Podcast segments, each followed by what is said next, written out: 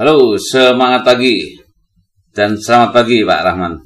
Selamat pagi Pak Effendi. Ya, uh, hari ini saya di kantornya Bapak Advokat Rahman Hakim SHMH. Beliau sebagai Ketua Umum di Juristen Legal Indonesia (YLI) atau juga di Ketua Umum Lembaga Mediasi Konflik Indonesia LMKI. Benar ya, ya Pak Rahman? Effendi, siap. Ya. Ya, ini ngobrol-ngobrol kita dalam acara ngopi bareng, ngobrol pintar bersama Cak Rahman dan Cak Effendi dari berita5.com. Nah, ini tentunya advokat tidak boleh berhenti dalam hal menangani eh, perkara-perkara uh, klien sehingga walaupun ada di tengah pandemi COVID-19 acara uh, mendampingi klien tentunya tetap berjalan. Ini saat ini apa yang kira-kira menarik uh, di saat sekarang ini, Pak Rohman? Baik, terima kasih Pak Effendi. Jadi salam uh, keadilan dan hukum. Pagi hari ini cukup menarik karena Pak Effendi mengangkat sebuah tema bagaimana di tengah COVID-19 ini kita mampu dan survive yeah. menghadapi tantangan kini, sekarang dan akan datang dalam rangka meningkatkan kualitas pelayanan hukum dan menegakkan hukum demi keadilan. Iya, iya, iya. Ini saya melihat ILI walaupun masih baru ya, lahirnya 2019 ya. Uh, nah. Tepat sekali. Kalau LMKI-nya 2016. 2016. Ya.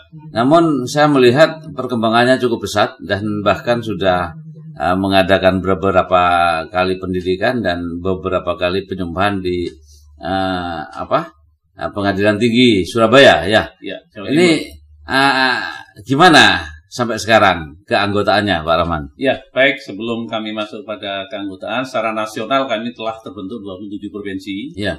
Artinya bahwa uh, organisasi advokat yang saat ini bernaung dalam Lembaga Mediasi Konflik Indonesia dan Juristen Legal Indonesia telah mampu eksis anggotanya secara nasional. Hmm. Tetapi yang lebih menarik adalah bagaimana uh, seorang anggota advokat yeah. Ya. uh, itu mampu bertindak sebagai penegak hukum yang mandiri yang lahir dari masyarakat dan uh, sebagai suri keteladanan bagaimana hukum itu harus tegak, jangan hanya tajam ke bawah, tumpul ke atas, jangan sampai ada persoalan hukum mereka lari dari kenyataan hukum. Artinya dalam tanda kutip saat ini lagi rame dibicarakan tentang obstruction of justice, yeah. abstraksi hukum. Kemudian ada uh, saat ini ramai diperbincangan yaitu apa yang disebut peradilan sesat. Peradilan sesat. Nah, apa itu peradilan sesat? Baik, uh, sebenarnya peradilan sesat itu secara uh, ilmiah dan formal tidak ada, tetapi faktanya itu muncul uh, peradilan sesat. Salah satu kami mengutip tokoh-tokoh uh, internasional uh, di seluruh dunia itu banyak terjadi peradilan sesat. Yeah. Bahkan praktek-praktek uh, peradilan kucing, artinya peradilan-peradilan semu dan peradilan-peradilan yang konotasi dalam tanda kutip ada permainan yeah. banyak terjadi. Oh gitu ya? Iya. Kita flashback ke belakang. Coba kasus Sum Kuning, kasus wartawan Bernas, yeah. kasus-kasus lain yang terkait hal-hal yang tidak bisa diungkap tersekarang misalnya kasus Marsina, ya, kasus uh, pembunuhan penyudikan wartawan, ini semua tutup buku bahkan yang ironi dan menyedihkan kasus Joko Chandra kemarin sampai bisa muncul KTP baru, teknik baru, cara ya. baru, sehingga namanya pun disamarkan. Ini salah satu fakta bahwa peradilan sesat itu ada dan terjadi. Nah, sekarang persoalannya adalah bagaimana solusinya. Ya. Itu Pak Fendi. Yang terpenting itu tentunya. Ya. Bagaimana solusi untuk bisa uh, menetralisir semua itu, ya kan? Karena kembali lagi kalau pengadilan sesat itu tadi berarti ada permainan gitu ya. ya. Nah, money politik di situ ya, ya kan?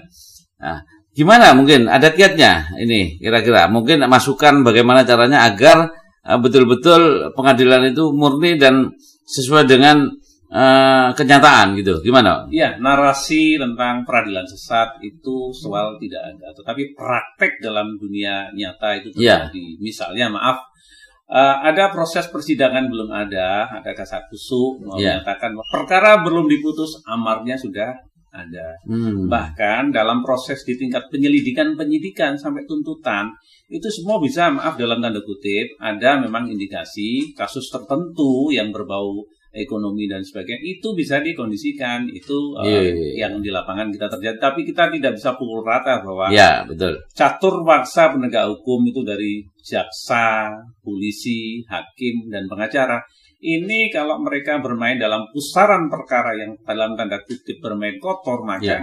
hukum ini akan sangat uh, tidak sesuai dengan harapan karena fungsi tujuan hukum demi keadilan hmm. demi uh, tujuan hukum itu sendiri demi keadilan, kemanfaatan dan uh, tujuan utamanya adalah demi kemaslahatan bangsa dan negara. Iya, gitu ya. Bagus ini. Ini sudah pantas sekali nih menjadi dokter walaupun saat ini lagi proses menyelesaikan kuliahnya di program dokter ya. Siap, Pak. Kira kurang kurang masih sebentar lagi nih berarti. Ya, ya. tentu terima kasih Pak Effendi kami ya. Uh, dalam proses untuk selalu meningkatkan kualitas kemampuan uh, berpikir kritis dan pragmatis dalam bidang hukum ini uh, kami berharap teman-teman tidak berhenti dalam pendidikan tingkat S1, S2 tetapi ada tingkat-tingkat lanjutan yang memang uh, bisa untuk meningkatkan kualifikasi uh, kemampuan uh, nalar berpikir, nalar kritis, nalar teoritis sehingga ketika berhadapan dengan masalah hukum utamakan mampu menyelesaikan klien perkara klien secara uh, profesional dan proporsional jangan sampai uh, ada uh, oknum advokat hanya mengeruk keuntungan diri sendiri. Sementara ya? kliennya uh, harapannya tidak tercapai.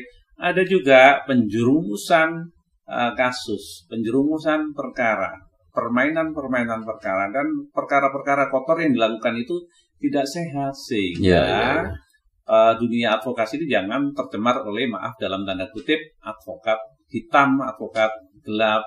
Dulu hmm. terjadi obstruction of justice yaitu kasus uh, Pak Pau eh, kecelakaan sehingga uh, seakan-akan dikondisikan bahwa benjolan-benjolan yang dalam tanda kutip dulu uh, advokat senior maaf uh, yeah. Pak Hendrik dan sebagainya itu kan kami kurang sependapat. Nah hal-hal yang semacam ini jangan sampai muncul hal-hal uh, yang baru itu Pak Effendi yang kami uh, prihatin, ironi dan menjadikan jangan sampai uh, pribadi uh, advokat yang utamanya adalah profesional dan berkarakter uh, akhlakul karimah. Oh, gitu. Itu yang utama kami berharap. Jadi uh, kuliahnya bu bu bukan berarti hanya mencari gelar dan gaya-gayaan gitu ya, tidak ya? Bukan, bukan lifestyle, nah, Pak, tapi jadi, kemampuan. Untuk kemampuan, betul, meningkatkan betul. integritas ya. ya kan? Betul, betul. Nah, ya mungkin ya para anggota YLI mungkin arahnya mungkin bisa diikuti begitu mungkin ya. Iya, siap.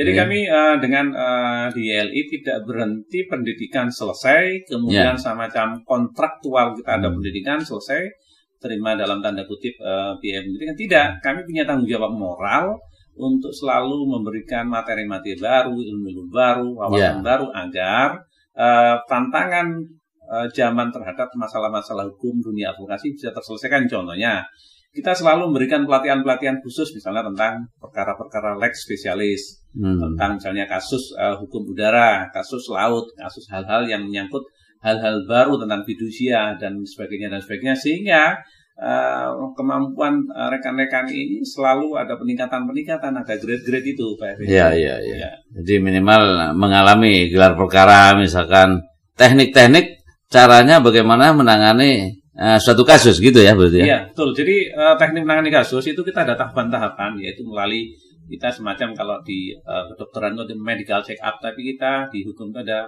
legal audit, due diligence, due diligence. Yeah. Jadi ada penalaran-penalaran hukum sehingga hu persoalan hukum ini muaranya di mana, inti sari masalahnya di mana, solusinya bagaimana, tahapannya seperti apa, proses penyelesaiannya berapa lama, dengan cara apa, dan apa barrier tantangan-tantangan. Nah tentu kita akan meminimais tantangan itu, kemudian kita punya solusi.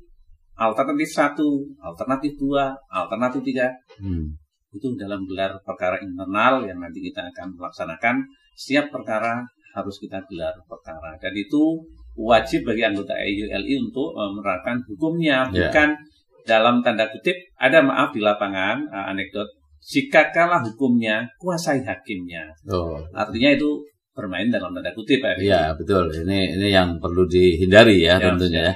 Jadi berperang dengan teknik yang kita miliki dan data yang akurat tentunya kan. Siap, siap. Jangan sampai memanipulasi data. Iya. Ya kan? Nah. Dan hal yang menarik begini Pak Effendi, kami dengan uh, melihat proses penerapan hukum pidana saat ini ya. sudah tidak relevan. Ya. Kenapa tidak relevan? Karena perkara-perkara pidana kadang-kala sudah diselesaikan secara damai melalui proses mediasi, tetapi proses hukum tetap berjalan. Ya. Ini proses-proses uh, restoratif justice itu harus dikedepankan karena hukum di Indonesia ini kan sudah terlalu ramah warisan yeah. Belanda dan tidak tidak uh, efektif dan tidak relevan untuk saat ini sehingga yeah. kami mengusulkan terutama perkara-perkara yang bisa dilakukan mediasi penal hmm. itu harus dilakukan mediasi penal dan yeah. saya memberi apresiasi terhadap Kapolri terkait munculnya perkap tentang IDR namanya Alternative Dispute Resolution atau yeah. kalau Indonesia itu PSA penyelesaian sengketa alternatif jadi perkara-perkara yang ancamannya di bawah lima tahun bisa diselesaikan melalui mediasi penal iya. artinya yeah medisia penal itu penyelesaian perkara pidana diselesaikan di luar jalur yeah. pidana. Yeah. Itu Pak Effendi. Jadi ke depan hmm. kami berharap pemerintah punya goodwill dan memasukkan uh, undang-undang tentang uh, dalam sistem peradilan pidana ini tentang uh, mediasi penal yeah. dan revisi-revisi uh, tentang undang-undang bisa nanti ditelurkan sehingga yeah. masyarakat pencari keadilan akan mendapatkan haknya keadilan yang sesungguhnya. Yeah. Keadilan yang hakiki sesuai dengan uh, kearifan lokal karena masyarakat kita dulu adalah masyarakat yang gotong royong, yeah. mahrifah hodinami, yeah. uh, dan uh, semua persoalan selalu diselesaikan secara musyawarah mufakat melalui adat. Itu yang bisa kami ya. sampaikan yeah. Pak Effendi. Tentunya ini dua lembaga yaitu ya, YLI dan LMKI. Kalau tujuannya sama, saya rasa mungkin buat apa buat dua ya. Yang jelas mungkin Pak Rahman uh, punya dua arti ini. Misalkan LMKI ini untuk apa dan YLI untuk apa. Jadi ini kadang-kadang teman-teman ada pertanyaan begitu gitu lah. Ya. Mungkin Pak Rahman bisa menjelaskan ya. apa tujuannya gitu. Ya. Baik, uh, jadi organisasi uh, Jurison Legal Indonesia itu adalah organisasi yang konsen menangani tentang pelatihan ya. avokat, ya. pengembangan avokat, nanti uh, tentang uh, theoretical tentang hukum-hukum uh, yang di situ kita punya uh, tentang auditorium hukum. Oh, iya, di, iya. di situ kita pengembangan pengembangan kerjasama kerjasama. Bahkan kita sudah melakukan mencoba NUU dengan uh, beberapa konsulat jenderal. Oh. Uh, kami uh, kemarin bersurat ke International Bar Association terkait yeah. bagaimana mekanisme uh, tentang uh, standar profesi advokat dan sebagainya. Itu yang yeah. kita masuk ke Juristen Legal Indonesia. Oh, Jadi yeah, konsentrasi betul. bidang itu. Yeah, yeah. Nah di lembaga mediasi adalah lembaga mediasi konflik Indonesia ini adalah organisasi advokat yang memang uh, berdiri uh, untuk perekrutan. Jadi organ advokat, organisasi advokat yang secara de facto dan de jure ini legalisasi sudah Lengkap. didapat dan tentu kita uh, berharap bahwa lembaga ini yang sudah kami bangun sekitar 2016 yang lalu ini sudah eksis uh, tadi saya sampaikan 27 provinsi yeah. dan secara hukum sudah terdaftar dan yeah. masuk dalam lembaran negara Pak. Yeah. Uh, tentunya kan kalau di apa uh, advokat itu kan harus mendaftar lewat ekot misalkan ya.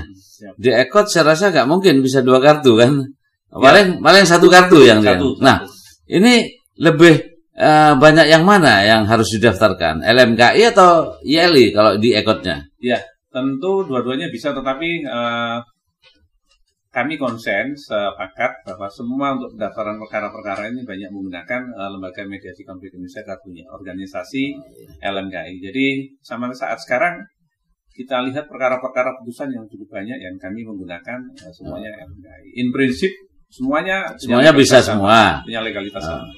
Ya, cuman lebih fokus ke LMKI ya untuk ya. di uh, ekotnya ya kan, ya. sehingga ya. bisa di, di persepsi yang sama gitu kan. Siap. Betul, ya, biar dan kami selalu uh, dalam proses persidangan ini memang dalam COVID uh, sekarang ini kan terbatasi oleh suasana ruang suasana. dan waktu. Betul, betul. Sehingga suasana ruang dan waktu ini memang membatasi kita bukan berarti menghambat proses untuk mencari keadilan. Iya, iya, iya. Tetapi yang kami yang menarik bahwa proses penanganan COVID ini uh, adanya new normal dan sebagainya dan sebagainya ini kami melihat ada sesuatu yang dalam proses goodwill dari pemerintah sudah optimal, tapi belum ketemu solusinya.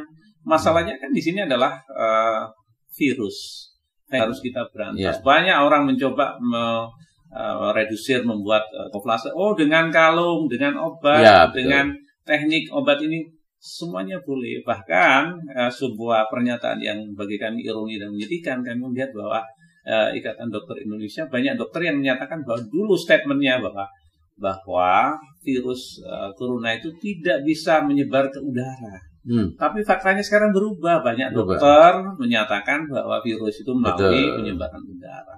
Bahkan ada obat-obat tertentu yang bisa. Tapi semua ini kan jadi jadi menjadi uh, informasi menyesatkan bagi masyarakat. Betul ya. Sementara ini bukan titik uh, ini belum masih uh, pelana kuda belum ya. pada titik selesai dan ini belum selesai kami lihat bahwa selesai. harus uh, dari pemerintah ada satu data sehingga masyarakat ini tidak uh, terbenturkan oleh informasi yang miskomunikasi salah sehingga saat ini pun kami melihat angka peningkatan dalam tanda kutip dampak COVID cukup tinggi dari nilai kematian. Yeah, yeah. Tapi masyarakat dalam tanda kutip sekarang ini seakan-akan diminta bubukan oleh new normal, padahal hmm. ini belum normal. Belum normal. Kami ya tahu kan? bahwa ini adalah maaf hmm. dalam tanda kutip eh, kebingungan pemerintah dalam mengatasi ini. Itu Pak yang Jadi sebetulnya normal itu kita harus berdampingan dengan COVID. Artinya kita harus tetap pakai protokol pemerintah, masker, cuci tangan dan kebersihan ya. itu kan. Betul. Jadi yang dimaksudnya normal itu seperti itu gitu loh ya kan. Ya, ya. Nah, selama COVID ini apakah pernah menjalani sidang baik sidang yang tetap muka maupun online pernahkah? Iya, tentu kalau perkara-perkara pidana uh, tim rekan-rekan dan yang lain banyak menggunakan uh, proses uh, telekonferensi karena yeah. tidak memungkinkan untuk itu. Yeah. Bahkan kami lihat mereka-mereka uh, yang di teman-teman di kepolisian yang harusnya uh, mereka ditahan dititipkan di uh, kejaksaan itu dikembalikan ke rumah. Artinya hmm. belum dilakukan penahanan. Oh, gitu. Itu karena dampak COVID dan dampak-dampak yang lain banyak sekali. Harusnya yeah. mereka harus masuk uh, ditahan, tapi karena tempatnya belum yeah. memungkinkan dan belum bisa dilakukan itu, hmm. maka untuk sementara waktu uh, dirumahkan. Tapi juga ada konsekuensi hukumnya. Yeah. Mereka bisa lari. Betul, betul. Dan ini harus ada solusinya dan banyak hal lain yang Misalnya tempoh hari uh, dengan adanya COVID banyak uh, para napi dilepas. Akhirnya ya, ya, ya, semrawut marah, semrawut, pidana ya. muncul muncul muncul muncul ya. kejahatan yang serupa dan itu sangat uh, meresahkan masyarakat dan bangsa dan negara itu Pak Fendi yang ya. kami mencermatinya di sana. Gitu ya. Jadi jadi kalau kendalanya pada saat telekonferensi itu uh, sidang online itu ada kendala seperti apa? tentu langsung dan tidak langsung ada konsekuensinya secara psikologis itu jelas karena kalau kita mau uh, mengeksplor beberapa pertanyaan menggiring sebuah persoalan tanpa melihat yeah. ini langsung itu ada dampak uh, secara uh, signifikan sehingga kami melihatnya yeah. itu uh, kurang optimal karena ya ini kondisi uh, masalah ruang dan waktu karena harus protokolnya yeah. seperti itu Pak itu ya ya siap jadi ini mungkin yang uh, terakhir Pak Rahman mungkin punya kiat-kiat khusus uh, di saat pandemi itu utamanya Pak Rahman sendiri dalam uh, menjalani keseharian agar bisa uh, terhindar dari COVID. Kira-kira apa? Mulai dimulai dari keluarga misalkan? Tentu keberhasilannya diawali dari lingkup terkecil ya keluarga. Ya. Kemudian kita masuk ke lingkup komunitas uh, kerja dan komunitas lebih luas. Tetapi hal yang mendasar adalah bagaimana kita berpikir positif terkait COVID.